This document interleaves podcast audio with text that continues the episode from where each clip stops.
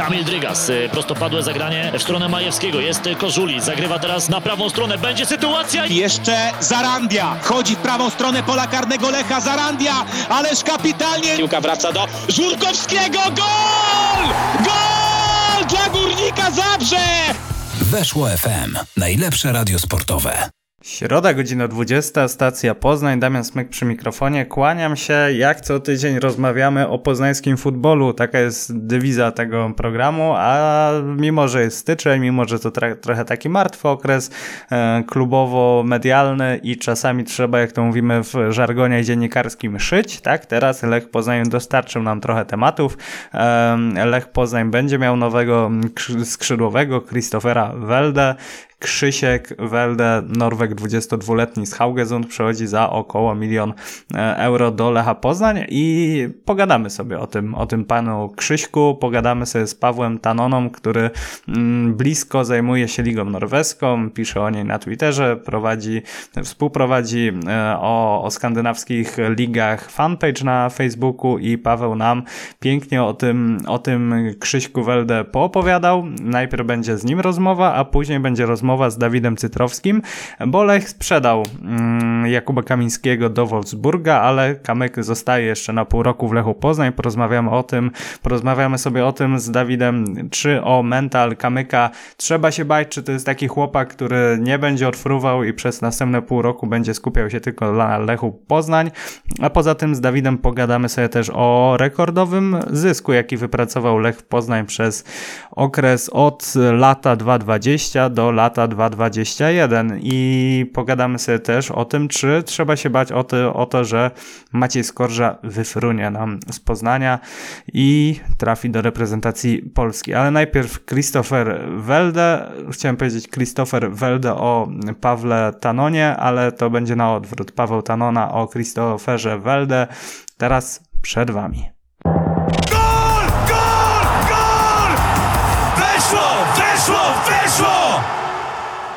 Transfer do Lecha Poznań Norwega, no to porozmawiamy z osobą, która tę ligę norweską dobrze zna. Paweł Tanona, którego możecie kojarzyć e, z Twittera, ale też e, z Facebooka, z fanpage'a Futbol po skandynawsku. Cześć Paweł. Cześć, cześć Damian. Słuchaj, Christopher Welde, dla nas przypuszczam postać anonimowa, dla ciebie niekoniecznie. Znasz tego chłopaka, wiesz, wiesz skąd on w ogóle jest, jak gra.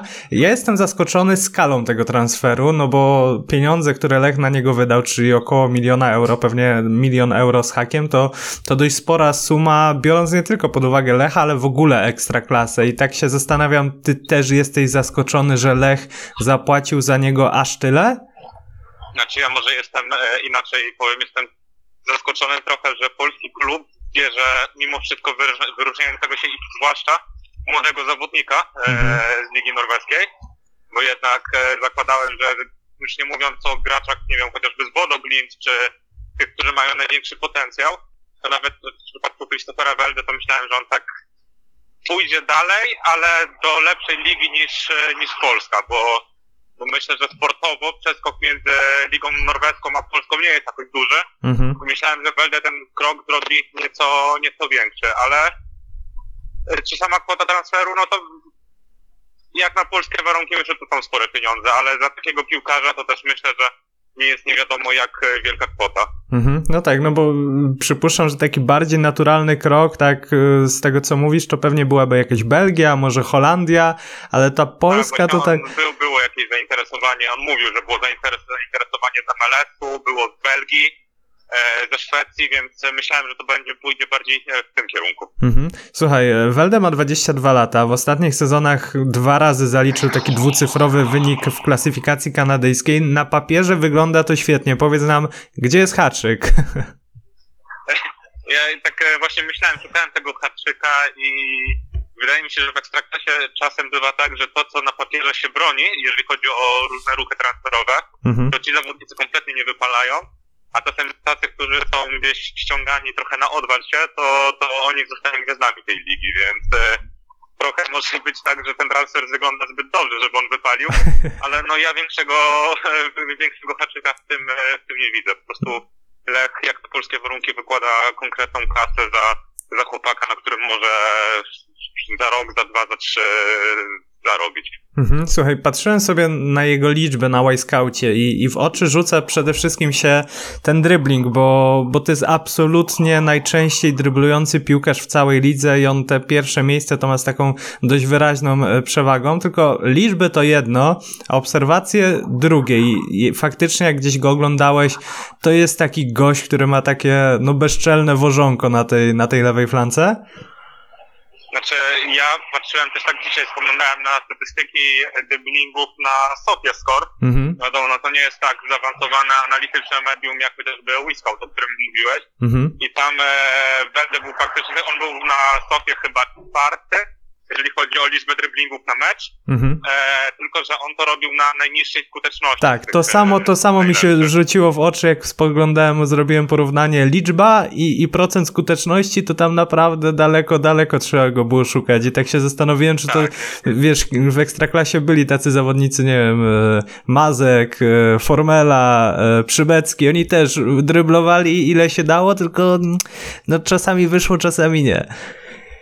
Właśnie on może nie ma takiego brazylijskiego pokrętu, jakiegoś joga bonito i tak dalej, że wychodzi mu wszystko, ale on ma taką pozytywną bezczelność, można powiedzieć, że on próbuje, że on się nie zniechęca, że on wchodzi w te driblingi, widać, że lubi to robić, chce to robić i jeżeli on dostanie taką wolność, a nie, że jeden, drugi, trzeci dribbling mu nie wyjdzie i będzie, nie wiem, czy z ławki trenerskiej, czy z trybuny, nie drybluj, podaj, Mhm. e, to, to wtedy to mu może zabrać sporo z tych swoich atutów, bo technicznie, no mówię, może to nie jest najlepszy dribbler, nie wszystko mu wychodzi, ale przez to, że podejmuje tyle prób, e, on w tym Haugesundzie ta gra mocno się opierała na nie, więc on tych szans na te dribblingi, na prowadzenie akcji miał sporo.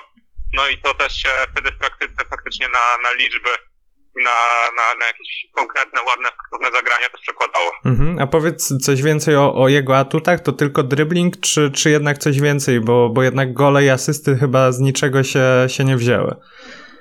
Znaczy, tutaj musimy bardzo wyróżnić to, że on ma naprawdę dwie nogi do grania, że lewa mu nie służy, jak to w piłce często w komentarzu można było usłyszeć tylko do siadania do tramwaju.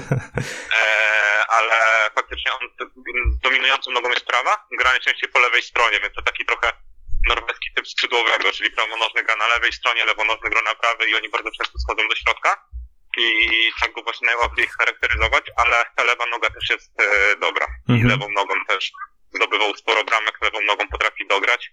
I to myślę, że też może mu bardzo, bardzo pomóc w polskiej lidze. Mhm. A słuchaj, zastanawia mnie coś takiego, bo mm, rzuca się w oczy to, że on zagrał tylko dwa mecze w tej reprezentacji U18 i jak dzisiaj mówimy o 22-letnim zawodniku, który ma bardzo dobre liczby w, w lidze norweskiej, to od razu nasuwa nam się na, na język takie stwierdzenie e, uważany w Norwegii za wielki talent, ale gdy spojrzymy na tę liczbę meczów w późniejszych kadrach, no to tam widzimy okrągłe jajko, tam, tam nie ma tych, tych meczów i on faktycznie miał opinię takiego wielkiego talentu, czy to jednak taki gość, który dość późno wypalił i, i może przez to nie miał okazji zebrać e, tak wielu występów w kadrze młodzieżowej?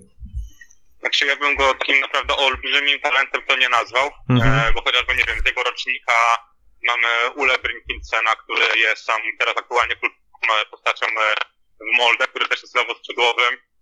Myślę, że najbardziej znany lewoskrzydłowy z młodego pokolenia w Norwegii też zresztą z rocznika Christophera Welde, czyli jest Peter Hauge. Mhm. Eee, I no, Weldach, z tego co wiem, co czytałem, co widziałem, to on nigdy nie był uważany za taki naprawdę norweski talent. Tak samo trudno go nazwać, mimo że robi naprawdę fajne liczby. Mhm. Tak samo go próżno byłoby szukać gdzieś na przykład najlepszych zawodników największych gwiazd ligi. To Mhm. jest naprawdę dobry zawodnik z potencjałem na, inaczej, bardzo dobry zawodnik jak na norweską ligę, ale jednak nie, znający, nie znajdujący się w tym topie ani najlepszych, ani tych najbardziej obiecujących. Okej, jasne. A w kontekście Haugesund, z tego co widziałem, to też pisałeś, że oni po prostu Werdę musieli sprzedać, bo, bo tam niewesoła sytuacja finansowa i przypuszczam, że dla nich to też nawet było dobrze, żeby oddać go za granicę, niekoniecznie do, do sąsiada z tabeli, niekoniecznie do zespołu, z którym będą rywalizować, więc ta oferta z Lecha to przypuszczam, że też z ich perspektywy było coś takiego, że o, sprzedamy, zarobimy, zasypiemy dziurę, a niekoniecznie wzmocnimy kogoś, kogoś, z kim będziemy zaraz grać. Znaczy to myślę, że raz, dwa myślę, że też te kluby norweskie, które mogłyby wydać pieniądze na niego, czy ten milion euro, czy powiedzmy, nie wiem, Molde, Rosenborg, Bodoner, e, on się tam raczej nie znajdował na ich liście życzeń, bo albo już mają zawodników na tą pozycję, albo szukają kogoś innego, ale to, co z tymi finansami mówisz, to, to racja, że Haugesund na gwałt można powiedzieć, że potrzebuje tych pieniędzy, bo oni tam mają około miliona, nieco ponad milion e, euro e, długu, Mhm. którzy tam wiszą e, gminie za, nie, za nieopłacenie wynajmu za, za stadion. E, gdzieś tam mi mignęło, że mogliby nawet przez to stracić licencję, ale to im raczej nie grozi. E, no więc potrzebują tych pieniędzy, więc sprzedali tak jak też pisałem dzisiaj na Twitterze, wczoraj sprzedali Niklasa Sandberga do Wikinga, teraz sprzedają e, Weldę, który ma tą dziurę mocno załapa, załatać i też bardzo liczą na to, że Sarpsborg e, sprzeda Ibrahima Kuna, który gra właśnie w reprezentacji Mali w meczu trwającym Mhm. Pucharze Narodów Afryki, bo on był wcześniej zawodnikiem Haugesundu i mają 20% od następnego transferu zapewnione, a jeżeli, jeżeli tam Kune też dobrze, Kone, dobrze wystąpi na tym Pucharze Narodów Afryki, to Salzburg może na niego liczyć na 3-4 miliony euro, więc to też będzie zastrzyk spory dla Haugesundu, żeby spłacić to zadłużenie. Mhm. No, czyli można powiedzieć, że Welda zapłaci za stadion, opłaci rachunki. I słuchaj, chciałem Cię tak zapytać na koniec, mm, generalnie tak szerzej o transfery z Norwegii do Polski, bo jeśli chodzi o finanse, pewnie ta czołówka jest, jest wyżej, jeśli chodzi o, o, o naszą ligę i, i też o nasze e, czołowe kluby, ale Ty widzisz takie pole do popisu dla, dla skautów polskiej ligi, żeby jednak mm, no, na tej północy poszukać, no bo oczywiście były te przykłady, no nie wiem, no, dzwonię z Poznania, więc muszę o to zagaić Muhameda Kejty, który, mm, który kompletnie nie wypalił i który, który był takim flopem transferowym, gdzieś odbijającym się później echem, ale, ale widzisz tutaj pole dla popisu właśnie dla, dla tych działów scoutingowych, bo, bo są tam piłkarze do wyciągnięcia za relatywnie nie, nie jakieś wielkie pieniądze. E, tak, e, przede wszystkim no, Skandynawów, Norwegów może słyszeć to, że w Polsce się zarabia dobre pieniądze na piłce nożnej, bo też musimy pamiętać, że jednak jeżeli chodzi o tam siłę nabywczą pieniądza czy koszta utrzymania, Mhm. to one są w Norwegii nieporównywalnie większe niż, e, e, niż w Polsce, więc jak ktoś zarabia, nie wiem, ma roczny kontrakt na poziomie 150 tysięcy euro, e, no to w Norwegii to są już dobre pieniądze, ale takie to 150 tysięcy euro no są powiedzmy 3-4 razy większe zarobki niż zarabia przeciętny Norweg. Więc Mhm. to są dobre zarobki, ale nie wiadomo jak o wiele lepsze niż przeciętnego Norwega. A 150 tysięcy euro rocznie w Polsce No przy tak. polskich kosztach życia, no to już mówimy, to już zupełnie inny świat, nieosiągalny praktycznie dla przeciętnego Polaka. Eee, no, i- no ale norweskie kluby tak naprawdę no nie płacą dużo. Jest kilku zawodników na, na sporych kontraktach. Eee, i, i, polskie kluby mogą je spokojnie przelicytować. Chociażby teraz ten też temat Erika Wystada, gdzieś tam go poznański Twitter swego czasu grzał bodajże w wakacje. Teraz wygasł kontrakt z Moldą, tam był w Molde jeden z najlepszych zawodników, a, a z tego co wiem, on miał niecałe 100 tysięcy euro rocznego kontraktu w Molde, więc e, no to są pieniądze, które większość polskich klubów może spokojnie przelicytować. Mhm. No a jeszcze teraz ma wejść w Polsce zerowy VAT na żywność, więc y, tym bardziej piłkarze z Norwegii będą, będą uderzać. Będą 4,20 dokładnie. A jeszcze tak mi przyszło takie pytanie do głowy. Mm, Myślisz, że jakimś takim zagrożeniem i takim, takim znakiem zapytania nad transferem Welde będzie przeniesienie się jednak do klubu z nieporównywalnie większą presją, bo e, często to robię. Wygooglowałem od razu stadion, na którym gra Haugesund i tak mi przypomina taki większy stadion w Grodzisku Wielkopolskim, bo tam koło 8 tysięcy wchodzi. E, Też masz coś takiego w głowie, że to może być jakiś taki, tak, może być jakaś taka wątpliwość przeniesienie się do klubu, gdzie gra się przy 15, 20, 25, czasami przy 40 tysiącach kibiców? Znaczy, właśnie też to jest taka rzecz, która, do której że będzie musiał przywyknąć, bo, bo w Norwegii nie ma, nie ma tylu kibiców, jak to co powiedziałeś, nie ma tej e, takiej presji. Jak w Norwegii przegrasz mecz, spoko, wygrasz mecz też spoko. E, tam mam wrażenie, że często o wiele mniej emocjonalnie e, podchodzą e, do, do tej piłki nożnej, e, czy po prostu no, to jest zawód jak zawód, kibice to też traktują. Nie jest tak, że jak ktoś przegra mecz, to kibic, który zazwyczaj chodzi wkurwiony przez tydzień do następnego meczu Mhm. e, i by się najchętniej powyżywał na tych zawodnikach. E, ale, ale myślę też, że Welde, mm, on nie wygląda na człowieka, którego chyba może przerosnąć. Mhm. E, on raczej wygląda na takiego człowieka bardzo pewnego siebie i myślę, że on będzie grać dla tych 5 tysięcy osób, jak w Hogesundzie, czy wyjdzie w Poznaniu na stadion, gdzie będzie 20 tysięcy, to też myślę, że go, że go nie przerośnie, ale e, no to będzie też taka duża różnica, bo jednak mimo wszystko geograficznie Polska i Norwegia leżą dość blisko siebie, ale tak jak patrzymy kulturowo, jednak jest trochę różnic i, i to też na pewno będzie musiał do tego przywyknąć. E, chociażby był przykład Trugila Jercena, który trafił do Wisły pod swego czasu. Tak, tak. E, większy oddech, zobaczymy, po schodach chodziłem.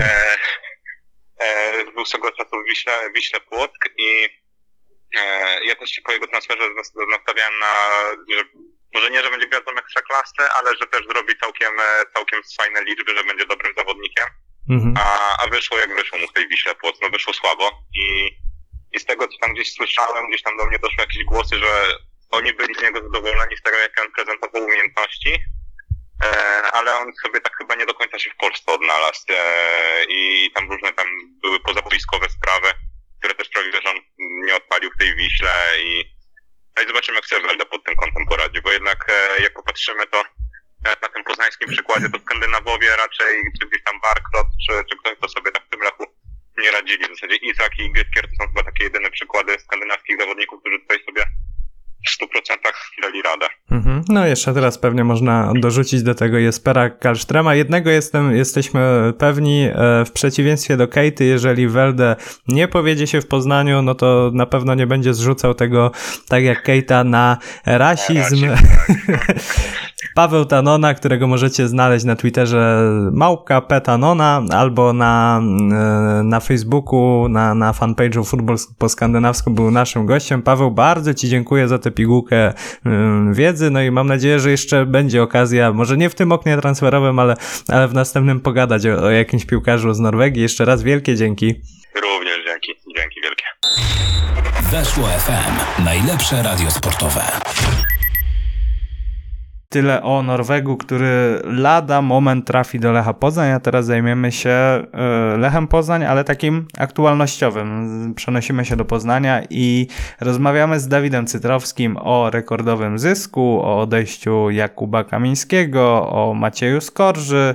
Generalnie o dużo, o dużo rzeczach sobie rozmawiamy, o wielu rzeczach, więc teraz rozmowa z Dawidem Cytrowskim, który jest w dobrej formie mimo tej zimy, mimo złego powietrza w Poznaniu, to Dawid trzyma formę. Słuchaj nas na weszło.fm.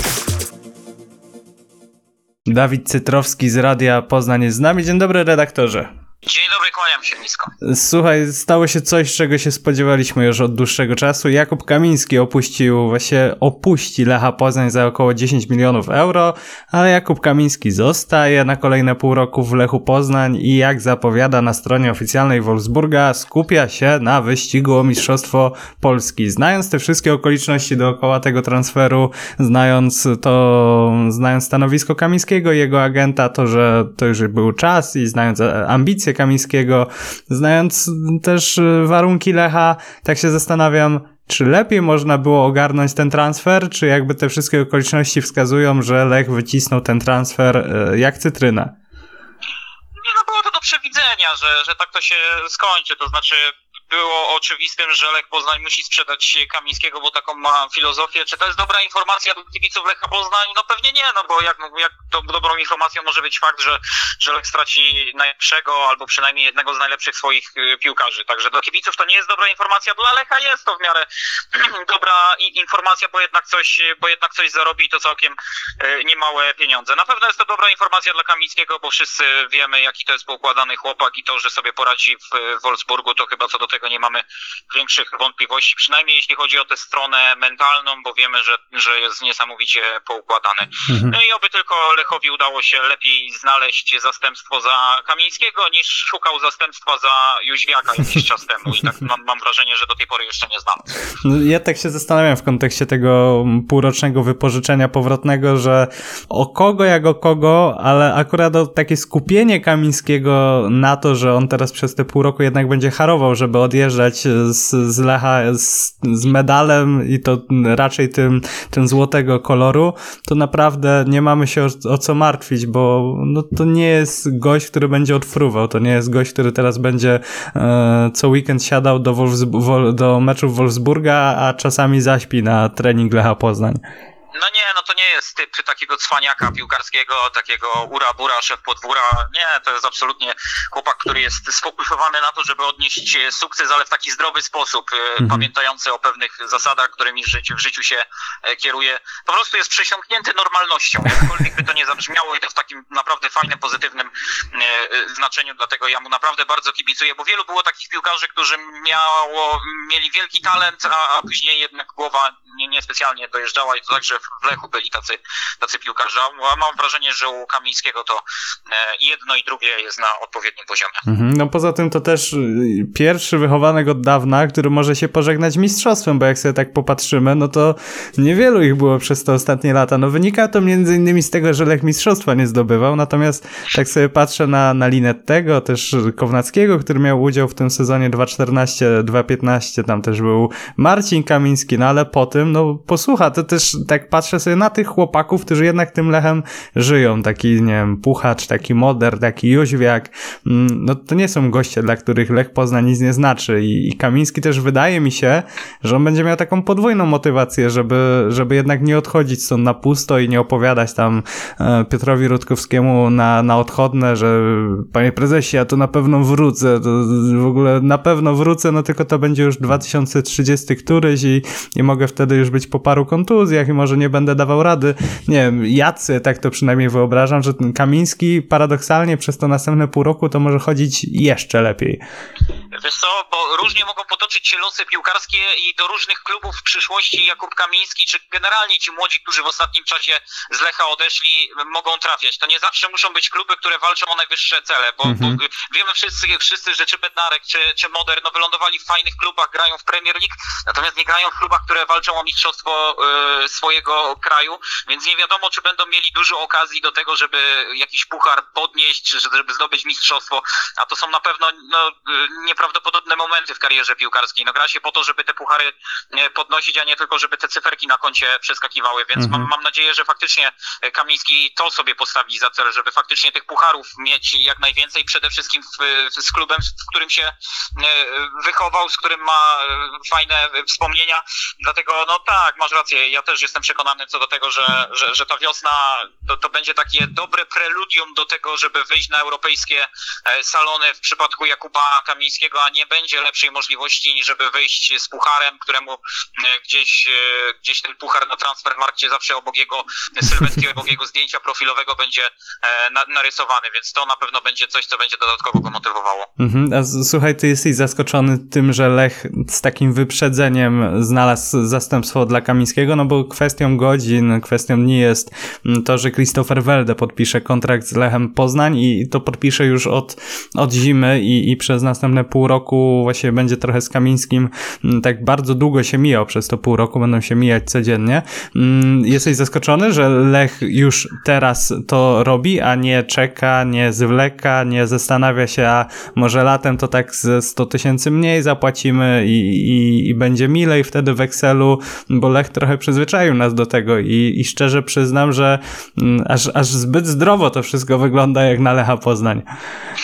Od, musimy zacząć tę dyskusję od stwierdzenia, że jeszcze nie wiemy, czy znalazł zastępstwo, bo jeszcze nie wiemy, czy Christopher Welde to faktycznie będzie zawodnik, który się sprawdzi w Poznaniu, bo mnóstwo było już takich piłkarzy, którzy byli hucznie zapowiadani jako następcy odchodzących zawodników, a później niewiele z tego wynikało. Dość przypomnieć sympatycznego Janka z Czech, który miał zastępować Jóźwiaka, przychodził jako mega gwiazda Ligi Czeskiej, a jak się to skończyło, no to wszyscy wszyscy wiemy, więc y, z tym, był jeszcze, z tym bym jeszcze poczekał, choć oczywiście jakby dużo wskazuje na to, że to faktycznie kawał, kawał zawodnika jest. Natomiast co do jakby terminu tego transferu, e, to ja to postrzegam w kategoriach minimalizowania ryzyka co do tego, że wiosną coś w Lechu może nie wyjść. Mhm. Mam nadzieję, że Piotr Rutkowski, że Tomasz Rząsa, że generalnie władze Lecha Poznań wyciągnęły wnioski z lat poprzednich i starają się właśnie to ryzyko związane z ewentualnym niepowodzeniem minimalizować. To znaczy chcą zrobić wszystko, żeby, e, żeby latem znowu nie pluć sobie w brodę, że znowu było tak blisko i znowu coś nie wyszło.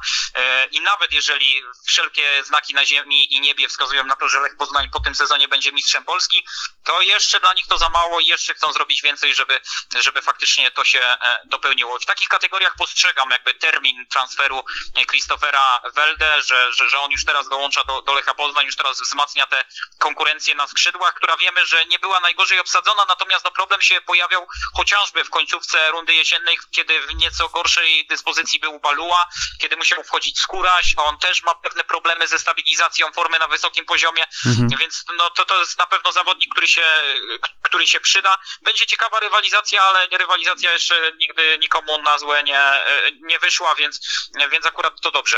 Dobrze, że, że władze Lecha Poznań faktycznie to ryzyko minimalizują. Mhm. Słuchaj, zostawiając na chwilę boisko, chciałem przenieść się gdzieś tak na pierwsze piętro, na koniec korytarza przy Bułgarskiej. Mm, Tomasz Włodarczyk z Meczyków podaje, powołując się na, na dane z KRS-u, że Lech za okres od lipca 2020 roku do czerwca 2021 roku zanotował 50,5 miliona złotych zysku. Nie przychodu, bo przychody były rekordowe, ale okazuje się, że też zysk był rekordowy. 24 miliony z tych złotych poszły, czy pójdą na pokrycie strat. 26 milionów złotych pójdzie na zasilenie. To bardzo ładne określenie kapitału zapasowego. I tak poproszę cię, żebyś zamknął teraz oczy i spróbował wyobrazić sobie teraz minę Karola Klimczaka. Powiedz nam, co widzisz. Yy, zastanawiam się, czy Lech później te banknoty będzie y, drukował i wsadzał sobie do tej kabloty, żeby to tak ładnie wyglądało, przynajmniej kurzu będzie trochę mniej. No e, właśnie, trzymało, to jest więc może- kolejne może moje to jest pytanie. Trop, żeby to sobie nadrukować, e, żeby nie trzymać gdzieś to w wirtualnych kontach bankowych jako obligacje czy, czy, czy, czy na lokatach, tylko faktycznie to wydrukować, to przynajmniej będzie gdzie to włożyć, no bo jakby półki już są uszykowane, tylko, tylko od dłuższego czasu tam nic nie mam, więc może w tym klimacie. Nie wiem, czy się cieszyć, bo nie doszły też do mnie żadne informacje, żeby Lech chciał się ze mną podzielić tymi pieniędzmi, więc jakby nie specjalnie mnie to interesuje, ile Lech zarobił. Mnie, mnie będzie bardziej zdecydowanie interesowało, co Lech wygrał i myślę, że większość kibiców z takiego założenia wychodzi, że, że jednak Lecha, że jednak ich bardziej będzie interesowało to, co Lech wygra, a nie to, co Lech zarobi, bo Lech chyba z kibicami się z tym nie dzieli, przynajmniej nie, nie słyszałem o akcji, żeby na pierwszym meczu na wiosnę do biletu dokładano także paczuszkę z plikiem pieniędzy, tak? Także, także myślę, że, że, że kibice w ten sposób do tego podchodzą. Jeżeli ta oferta rozdawania pieniędzy obejmowałaby też dziennikarzy, to chyba zabrałbym, akredytowałbym całą swoją rodzinę to, i wtedy możemy, możemy działać. Ale tak się zastanawiam, bo mm, oczywiście ten, ten zysk jest imponujący i, i mimo, że trochę tak szyderkujemy wokół tego, to, to oczywiście trzeba, mm, trzeba jakoś tak docenić Lecha i pochwalić, ale też tak sobie myślę, mm, bo Lech przez ostatnie 5 lat, 6 lat e, zarządzał kryzysem. To właściwie była taka, takie zarządzanie kryzysem od, od czasu do czasu. One w pewnych interwałach przebiegało, ale wyobrażam sobie, że Lech na przykład zdobywa latem mistrzostwo, mm, że ma całkiem przyjemną sumkę odłożoną gdzieś tam na koncie i tak się zastanawiam i też pytam ciebie, ty myślisz, że e, zarządzanie sukcesem jest trudniejsze od zarządzania kryzysem, bo Lech trochę nie jest tego nauczony w poprzednim czasie. Przypominamy też rok 2015 i zarządzanie sukcesem z tamtego okresu i tak sobie Fatalne myślę. wówczas. No tak, tak. Przez następne właśnie Lech długo nie mógł się od tego, z tego odkręcić i mm, oczywiście dzisiaj myślimy o tym, że Lech jest na plusie, że Le- Lech jest pierwszy, że Lech sprzedaje drogo wychowanków i tak dalej, i tak dalej, same plusy, ale też patrzę do przodu i tak sobie myślę, em, to idzie jakieś takie nowe doświadczenie, nowa pozycja, ty myślisz, że Lech byłby w stanie się tak szybko w tym odnaleźć? No właśnie, bo ty zadałeś mi pytanie, czy, czy jakby, e, czy zarządzanie kryzysem jest łatwiejsze, czy trudniejsze niż zarządzanie sukcesem. Na pewno Lechowi będzie trudno, bo nie ma doświadczenia specjalnego w zarządzaniu tym sukcesem. Teoretycznym w dalszym ciągu, dodajmy, teoretycznym e, i hipotetycznym sukcesem, więc e, na pewno trzeba będzie skupić się na, e, na tym, żeby błędów nie popełniać, tym bardziej, że tak naprawdę trzeba będzie uczyć się na czyichś błędach, nie na swoich, bo tych swoich jeszcze działacze Lecha Poznań nie zdążyli w tej materii popełnić, a nawet jeśli popełnili, to było to tak dawno temu, że, że pewnie już zdecydowanie okoliczności się zmieniły. Ja nie wiem, czy zarządzanie sukcesem jest trudniejsze, czy łatwiejsze, na pewno jest zdecydowanie inne i myślę, że Lech musi też uważać na to, żeby nie wpaść w pułapkę samozadowolenia z tego, co, e, co się dzieje. Ja specjalnie na jednej z ostatnich konferencji prasowych e, w rundzie jesiennej tak starałem się podpytywać trenera Macieja Skorże, jak on zapatruje się nawet już na następny sezon. Nie tyle na następną rundę, co na następny sezon. Czy ma już pewne wyobrażenia, jak ta kadra Lecha Poznań ma wyglądać, jak cały klub ma e, wyglądać, czy, czy w klubie myślą już jakby długoterminowo, nie tylko w Mhm. perspektywie najbliższych 3-4 miesięcy, ale może 3-4 e, lat, bo, bo, bo oczywiście w tym momencie, w tym wyjątkowym sezonie uwaga wszystkich kibiców skupia się na tym, żeby zdobyć mistrzostwo i to jest absolutnie zrozumiałe, że to jest cel numer jeden. Natomiast też nie możemy zapominać, że w lipcu 22 roku rusza następny e, sezon i, i, i fajnie by było, gdyby, gdyby Lech Poznań w dalszym ciągu e, był w absolutnym topie, bo tak mi się wydaje, że miarą sukcesu nie jest zdobywanie mistrzostwa raz na 10 lat, tylko utrzymywanie się w tym topie przez, przez 10 lat. To będzie tak naprawdę prawdziwy sukces. No to, że Lech zdobędzie dalszym ciągu, to podkreślę hipotetycznie, e, Mistrzostwo Polski na stulecie, fajnie, będzie sobie to można powspominać, ale jednak mnie jako kibica Lecha Poznań interesowałoby to, żeby Lech Poznań potrafił bić się o mistrzostwo co roku, a nie tylko w tym roku e, e, stulecia. Więc to będzie bardzo ciekawe, jak Lech ma zamiar chociażby kwestią nie tyle finansową, ale chociażby kwestią młodzieżowców w pierwszej drużynie Mhm. zarządzać po odejściu Jakuba Kamińskiego, bo tak się zastanawiam, że chyba na ten moment nie ma takiego murowanego kandydata do tego, żeby, żeby grać w pierwszym składzie. Możemy sobie rozmawiać o, o teoretycznych kandydatach, ale czy mamy przekonanie, że to będzie, że to będą zawodnicy gwarantujący jakość grając w pierwszym składzie? No nie mam takiej pewności i, i nie wiem, czy któryś z nich na tyle rozwinie się przez najbliższe pół roku, żeby, żebyśmy taką pewność mieli już w czerwcu, w, lipcu, więc to naprawdę ciekawe miesiące nas czekają pod tym względem. Mhm. No, a tak skupiając się jeszcze na sam koniec tej naszej rozmowy na, na rzeczach aktualnych, nie boisz się o to, że Maciej Skorża wyfrunie wkrótce? Tak pytam w kontekście reprezentacji polskiej. Tak dywagacji nie jest tajemnicą, że Skorża chciałby kiedyś e, zostać tym selekcjonerem, ale tak sobie myślę, mi bardzo trudno wyobrazić sobie, że Skorża rzuca teraz Lecha Poznań na pozycji lidera i mówi, panowie, Cezary Kulesza dzwonił, odchodzę.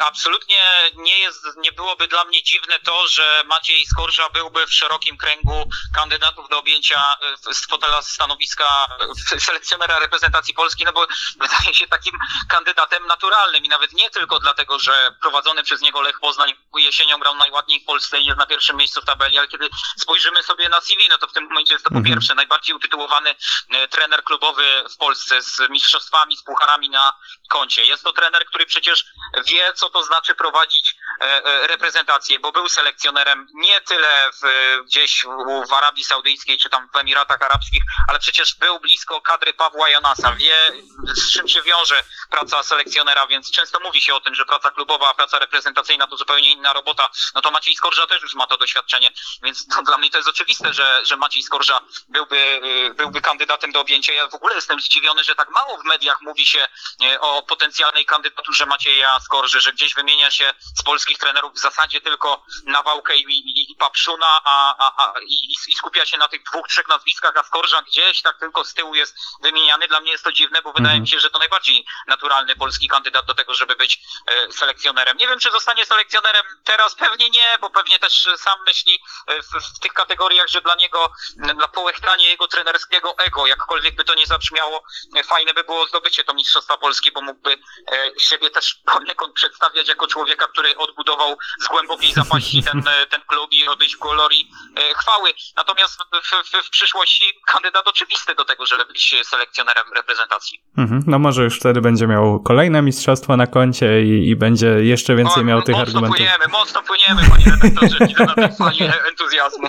Słuchaj, biorąc pod uwagę, że jest ma- martwy okres i, i trzeba trochę podkoloryzo- podkoloryzować, zwłaszcza, że za oknem jest szaro, zimno i ponuro, to, to takie piękne wizje można tutaj posnuć dla kibiców Lecha Obyśmy w Poznań. dobrych humorach byli przede wszystkim w maju, bo to będzie, to, to będzie najważniejsze.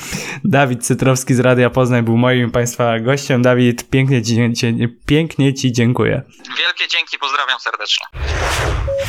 Słuchasz Weszło FM. No i to na tyle w dzisiejszej stacji Poznania. Za dzisiaj dziękuję. Damian Smyk, kłaniam się. No i słyszymy się za tydzień. E, Pierwsze sparingi, pierwsze, może kolejne transfery. E, Mam nadzieję, że także do Warty Poznań, to wtedy będziemy mogli sobie o Warcie trochę szerzej pogadać. A ja za dzisiaj dziękuję. Damian Smyk, stacja Poznań. Kłaniam się i do słyszenia za tydzień. Messi na lewą stronę, wbiega w pole karne rywali Alba. Van Dijk na prawo, Firmino wchodzi w pole karne PSG. Tu jest Bale, jest cross, jest także isko uderzenie! Jest bramka! Weszło FM. Najlepsze radio sportowe.